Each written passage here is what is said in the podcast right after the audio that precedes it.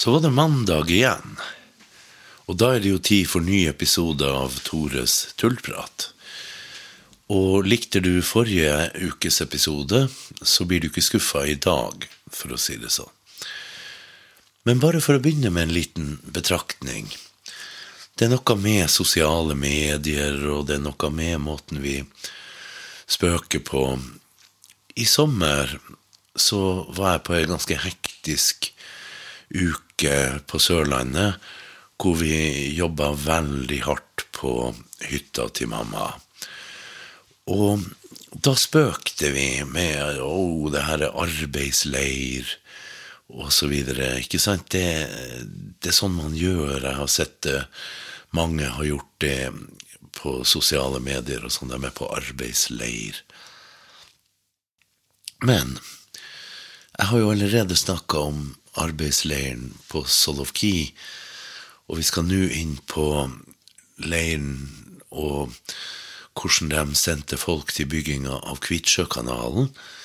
Og jeg kan jo garantere at arbeidsleir, som det virkelig fortoner seg for de som er der, er veldig annerledes enn det vi gjør på hytta, sjøl om vi tar i noen harde tak en gang iblant. Så jeg, jeg, reflekterte litt over det, fordi at jeg reagerte på ikke bare de andre, men på meg sjøl, at vi spøkte om det. For arbeidsleir, det er virkelig ingen spøk.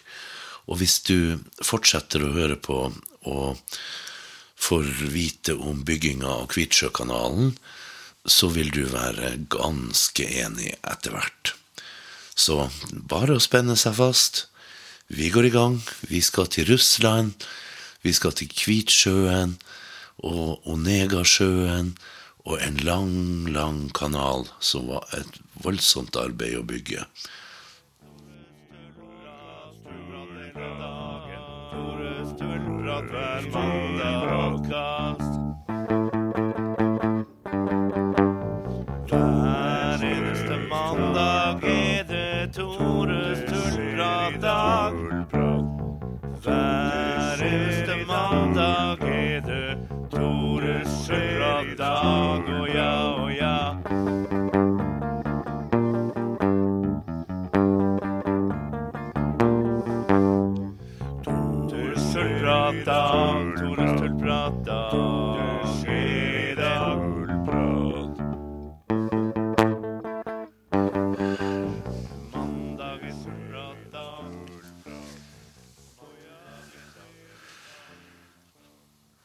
Før vi begynner å snakke om selve arbeidsleiren og alt det, så skal jeg forklare litt bakgrunnen, fordi at her er det en egentlig veldig lang og veldig spennende historie.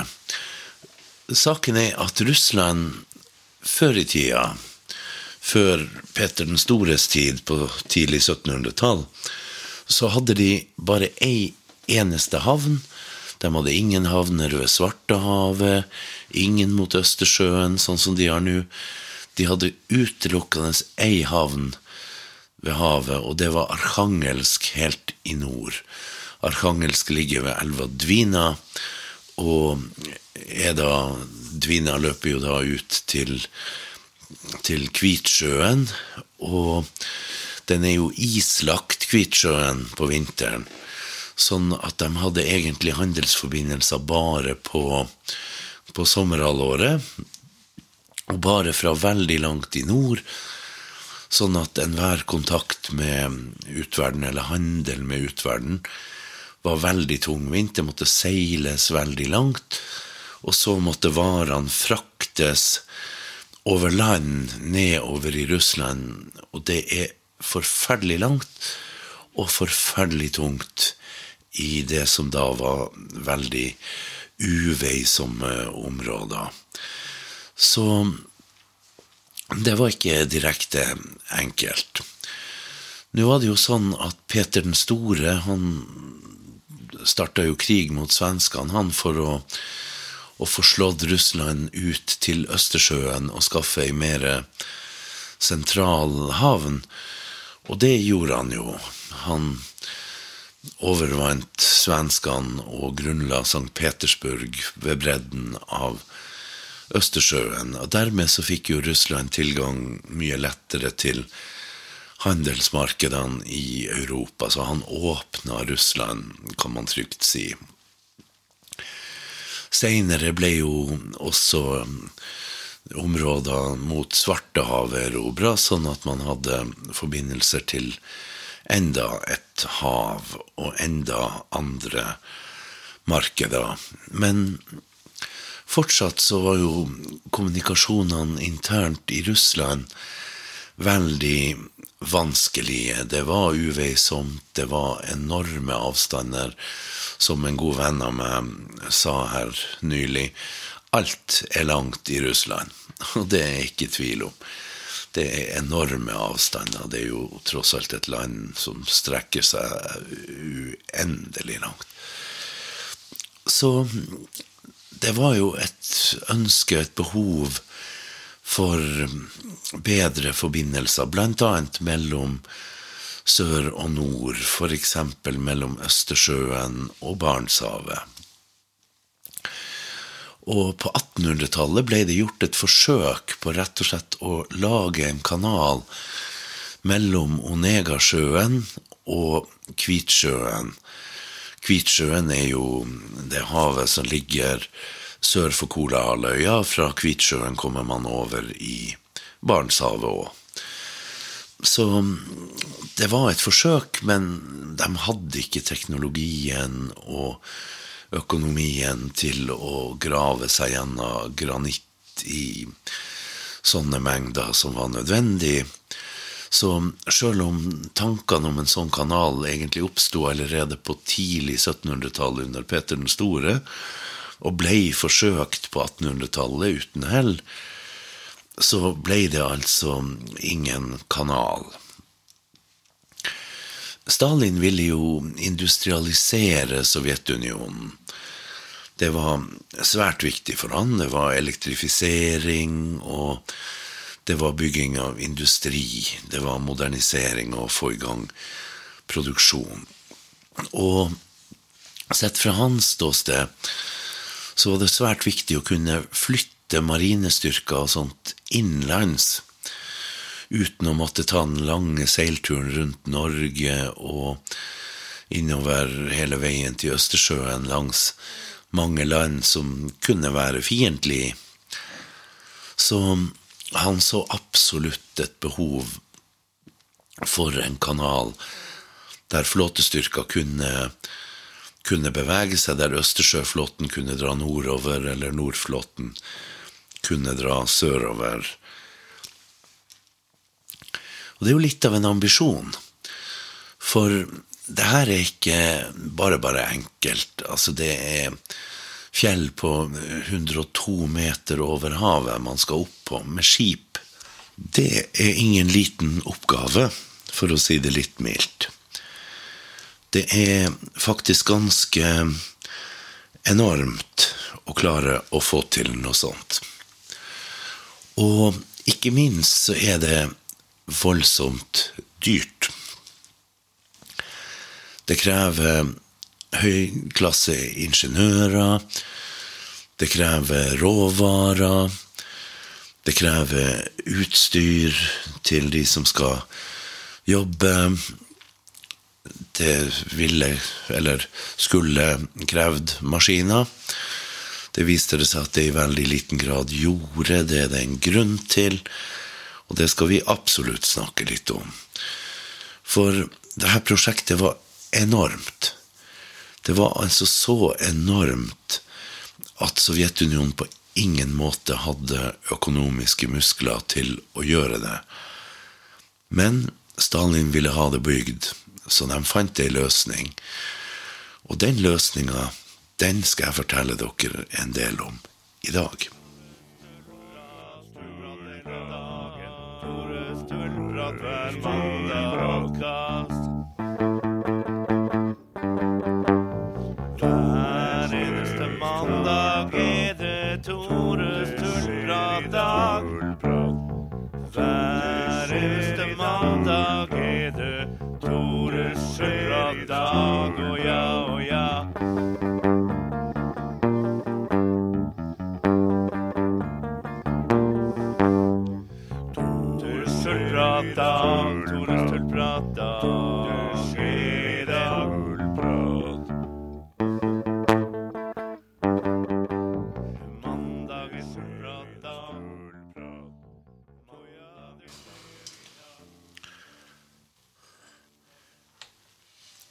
Forbindelse helt opp til nord. Det er kanskje ikke så søkt som man skulle tro. Fordi at fra St. Petersburg ved Østersjøen kan man seile opp elva Njeva til Ladogasjøen, som er Europas største innsjø. Derfra kan man ta elva Svir opp til Onegasjøen. Og hvis man seiler helt nord på Onegasjøen, så er man bare noen hundre kilometer ifra Kvitsjøen og det høye nord. Så tanken var altså rett og slett å få til en kanal. Men det er lettere sagt enn gjort. Det er som sagt høyt. Man må helt opp på 102 meter over havet, og det er høyt. For det er ikke bare bare å klatre fjell med båt. I hvert fall ikke med store marineskip og lasteskip. Så det er en ganske heftig oppgave. Det krever mange sluser, det er mange små innsjøer og elver som må forbindes med kanaler. Det var områder som måtte demmes ned. Det var i det hele tatt en, en voldsomt stor operasjon å få til. Og slett ikke så enkelt. Og som jeg nevnte, Sovjetunionen hadde ikke økonomiske muskler til å gjøre det her. Det var dyrt. Eller ville vært dyrt. Det ble kanskje ikke så dyrt som det ville vært for alle andre. Man trengte ingeniører. Det er dyrt. Så det endte med rett og slett at Etterretningstjenesten fikk arrestert ingeniører på diverse anklager som var ganske voldsomme. De var kontrarevolusjonære, antisovjetiske og alt det der der. Så de ble dømt til straffarbeid, den ene etter den andre, og satt til å planlegge kanalen, og fikk dermed gode arbeidsforhold. Ikke den lønna de skulle ha hatt, men, men bedre arbeidsforhold enn de hadde hatt i en vanlig straffeleir. Så dermed skaffa man ingeniørressursene som man ellers måtte betalt veldig dyrt for. Man hadde jo allerede en masse fanger. Så det her, er- nå er vi jo allerede ute på tidlig 1930-tall. Man hadde fangene etter borgerkrigen, fortsatt en del av dem. Man hadde en masse politiske fanger. Det mangla med andre ord ikke arbeidskraft. Det var veldig mange som hadde blitt dømt til straffarbeid. Og de skulle jo reformeres via straffarbeid, var tanken. Så der var masse arbeidskraft. De hadde skaffa ingeniører fra før allerede. De var dømt til straffarbeid. Man hadde masse manuell arbeidskraft som var tilgjengelig, og som ikke hadde noe annet valg enn å jobbe, og som ikke kosta mer enn klærne de hadde på seg, og maten de skulle få. Så var jo spørsmålet rett og slett maskiner. Man trenger jo tross alt maskiner til et så voldsomt arbeid. Gjør man ikke det? Jo, egentlig så gjør man det. Men det stoppa jo ikke Stalin. Man trenger også materialer. Å bygge sluser krever betong og stål og og alt mulig dyre materialer. Eller gjør det det? Nei. Det ble rett og slett til at fangene skulle jobbe med manuelt arbeid, uten maskiner i særlig grad, og at ressursene som skulle brukes i bygginga, skulle finnes lokalt. Det skulle bygges av tømmer og stein og det man kunne utvinne med denne arbeidskrafta av straffanger. Det er ganske så brutalt. Og det skal vi gå gjennom litt i mer detalj, hvordan det ble gjort. For det er jaggu ingen liten bragd de her straffangene klarte. Med helt utrolig små midler, og med en ekstrem innsats, og med en kostnad på uhorvelig mange liv.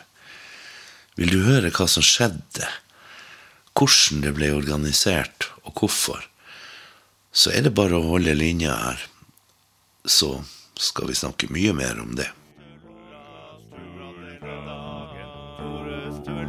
Hver mandag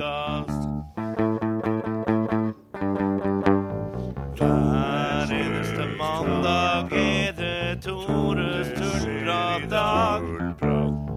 Hver eneste mandag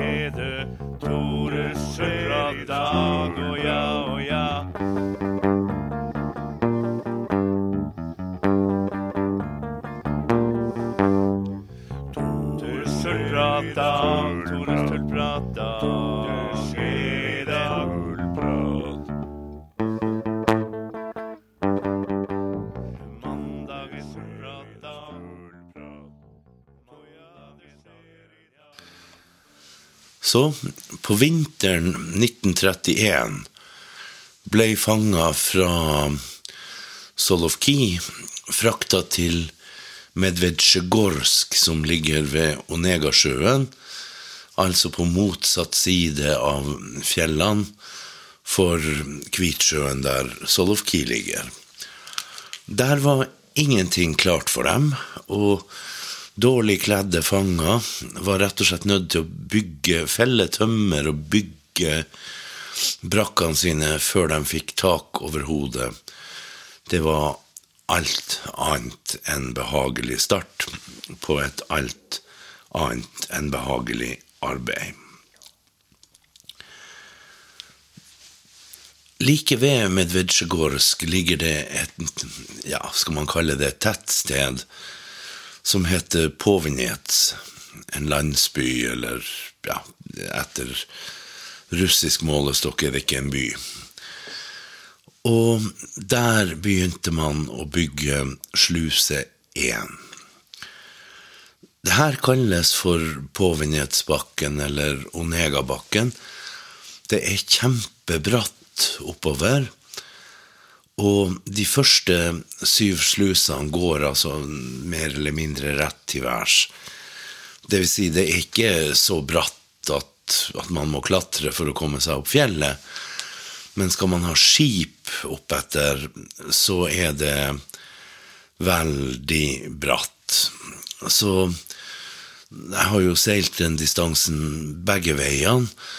Og når du tar den i skal vi si, riktig rekkefølge, altså fra sluse 1 og hele veien til sluse 19, så er de første syv de er fryktelig tett.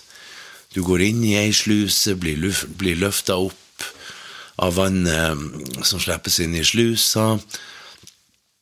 Flere av slusene på vei opp er også doble løft, sånn at idet du har kommet opp, så åpnes bare sluseporta til et nytt slusekammer, så du går inn i det og blir løfta enda høyere.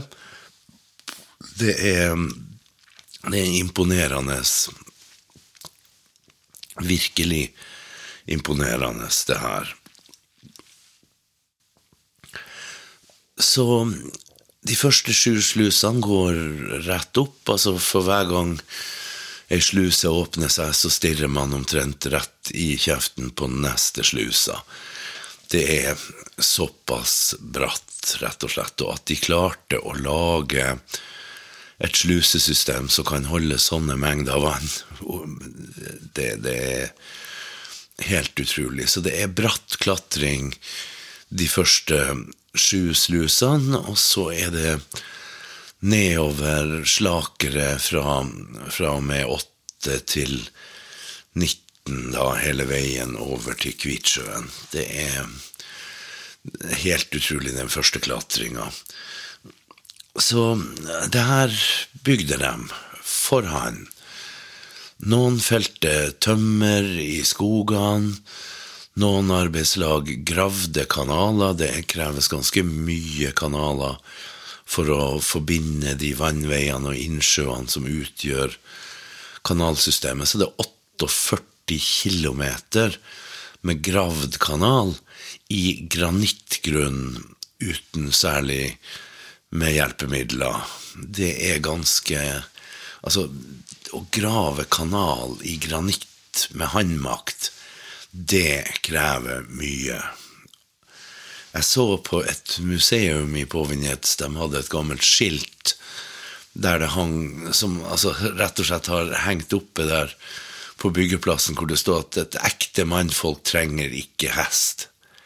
Og det er jo umenneskelig når man tenker på at det her er regelrett slavearbeidskraft. Det er straffanger som ikke har noe valg i det hele tatt. Og så skal de få sånne beskjeder. Så ja, det er, det er litt av en historie, det her.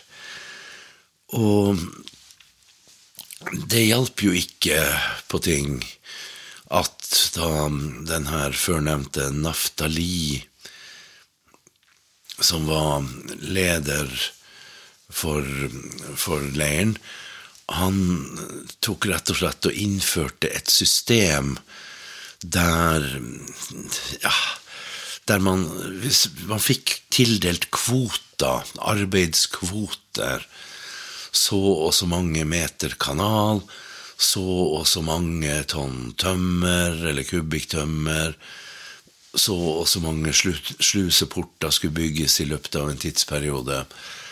I det hele tatt ganske voldsomme var de kravene. Og så var det rett og slett sånn at de arbeidslagene som ikke klarte kvota si, de fikk sterkt reduserte matrasjoner måneden etter men måtte jo jobbe like hardt for å få tilbake maten sin i det videre. Og egentlig så var jo det rett og slett en dødsdom. Altså hvis du skulle jobbe så hardt, men uten full mengde mat, så kunne du ikke overleve. Så enkelt var jo bare det. Så det er jo ikke tvil om at, at de jobba steinhardt for å unngå den skjebnen der. At det var ganske mye frykt involvert i det her. Og veldig mange døde jo. Man vet jo ikke hvor mange som døde. Jeg har sett anslag som går fra noen få titusener helt opp til over 200 000. Man tror vel kanskje i dag at det eh, riktige tallet ligger kanskje rundt 100 000, men det er jo ingen som vet. Men det er nok ikke noe tvil om at i hvert fall en 100 000 mennesker døde. Men det er ingen måte å vite det på. De brydde seg ikke så mye om å ta vare på folkene og deres minne at de loggførte dem. Tvert derimot så var det jo sånn at noen ble begravd i massegraver. Andre fikk bare ligge der de lå på vinteren og ble samla sammen på våren. Og de ble da dumpa i fyllingene, i steinfyllingene i, i slusene, der de ligger den dag i dag. Rett og slett. Jeg så på et tidspunkt vi passerte en støvel som stakk ut av den ene, ene slusa, og det tilhører nok en av de mange, mange stakkarene som døde under bygginga. Så det var ikke enkelt, det her. For å klare seg så var det jo noen arbeidslag som juksa. Og det påvirker kanalen den dag i dag. Fordi at kanalen skulle være fem meter dyp over det hele. Men der er strekninger hvor den bare er fire meter dyp. Og det sies at det var arbeidslag som merka at de hadde ikke sjans til å komme i havn med, med arbeidskvota si, og de håpa at de ville måle lengden på kanalen og glemme å måle dybden. Det ser ut til at de lykkes, fordi at den dag i dag så er maks dyp, dyptgående for båter som skal gå i kanalen, det er fire meter. Alt som stikker dypere, går på grunn. Sånn er det bare. Så det er litt av et opplegg, det her. Det var altså ikke noen liten bragd. Man måtte for øvrig også demme ned områder for å, å klare å bygge det her. Så hvis jeg husker riktig, så det mellom sluse 11 og 12 så kommer man forbi et svært tårn som står rett opp av vannet. Og så lurer man jo på hvem har bygd et sånt tårn midt ute i vannet. Og saken er at det har man ikke. Der har det ligget en liten by, og tårnet er et vanntårn, rett og slett der, der damplokomotiver har fylt på vann. Så det er rett og slett del av en bit av jernbanen som ikke finnes lenger, og en landsby som ikke finnes lenger. Så det er et fascinerende prosjekt, et mesterverk av ingeniørkunst, og samtidig et grufullt monument til uhorvelig mange arbeidere som døde, og enda flere som sleit og slava og kom levende fra i hvert fall det her prosjektet. Så det er tankevekkende å være der, samtidig som det altså er et monument til menneskets kreativitet. At de i det hele tatt klarte å bygge et sånt kanalsystem, er, er langt forbi det man kan, kan fatte, egentlig.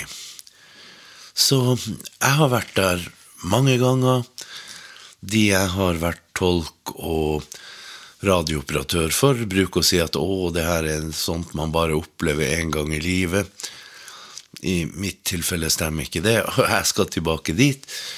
Og jeg er jo dønn fascinert av det her fantastiske kanalsystemet, samtidig som jeg ikke et sekund glemmer hvor mange som har slitt og lidd og dødd for å, å klare det her. Det er jo antyda at ca. 20% av arbeidsstokken døde under bygginga, så det har absolutt ikke vært noe enkelt, det de gjorde. Men de fikk det til. Det er helt utrolig. Det hører med til historien at Stalin, som jo ville ha denne kanalen bygd, når den ble åpna i 1933, så tok han en tur på ja, halve kanalen med, med båt. Og han syntes kanalen var skitten og for liten og trang, og var strengt tatt ikke det minste positiv til, til den. Og det er jo lite takknemlighet for steinhardt arbeid fra så mange. Men i alle fall, sånn var det nå. Han fikk kanalen sin, enten han ble imponert eller ikke, og uhorvelig mange døde for det. Men den ligger der i dag. Det tok jo ikke mange år før marineskip var blitt for store til å kunne gå gjennom kanalen, så den mista etter hvert sin forsvarspolitiske begrunnelse, altså det å kunne ta Nordflåten sørover og Østersjøflåten nordover gjennom landet, det, det ble fort bare å glemme. Men som en livsnerve for folkene innover i området, for frakt av varer og drivstoff og alt mulig sånt, så har kanalen vært uvurderlig helt frem til i dag. Den er fortsatt i drift for frakteskip, og det går store skip der. Det kan jeg virkelig bekrefte, fordi at jeg har seilt med hjertet i halsen i en seilbåt som kjennes uhorvelig liten når man da rett og slett passerer et av de her virkelig svære lasteskipene, Volga, Dawn og hva de ikke heter, alle sammen. Da, da føler man seg ikke høy i hatten, for å si det mildt. De er, de er enorme. Så jeg vil jo bare oppfordre de som ikke har vært der, til å vurdere om du kan dra dit. Det er jo egentlig bare å rett og slett å, å skaffe en seilbåt, helst med noen litt sjømante folk, og sette av tid, få organisert turen og legge i vei. Det er, ja, det er ikke bare bare. Det tar tid. Man skal opp Eller altså, man skal komme seg til Barentshavet. Man skal komme seg fra Barentshavet og hele veien ned. Det tar fire uker til Østersjøen. Og så skal man tilbake til der man har hjemmehavn. Så det er klart at det tar noen sesonger. Men det er virkelig noe man ikke angrer på. Så med det Ja, altså, jeg bruker jo alltid å ta utgangspunkt i en gjenstand. Og det har ikke jeg gjort på denne episoden. Det er rett og slett fordi den gjenstanden er meg. Tolk og radiooperatør og en som med største glede seiler der igjen og igjen. Og med det så sier jeg ha det for nå, og så møtes vi neste mandag.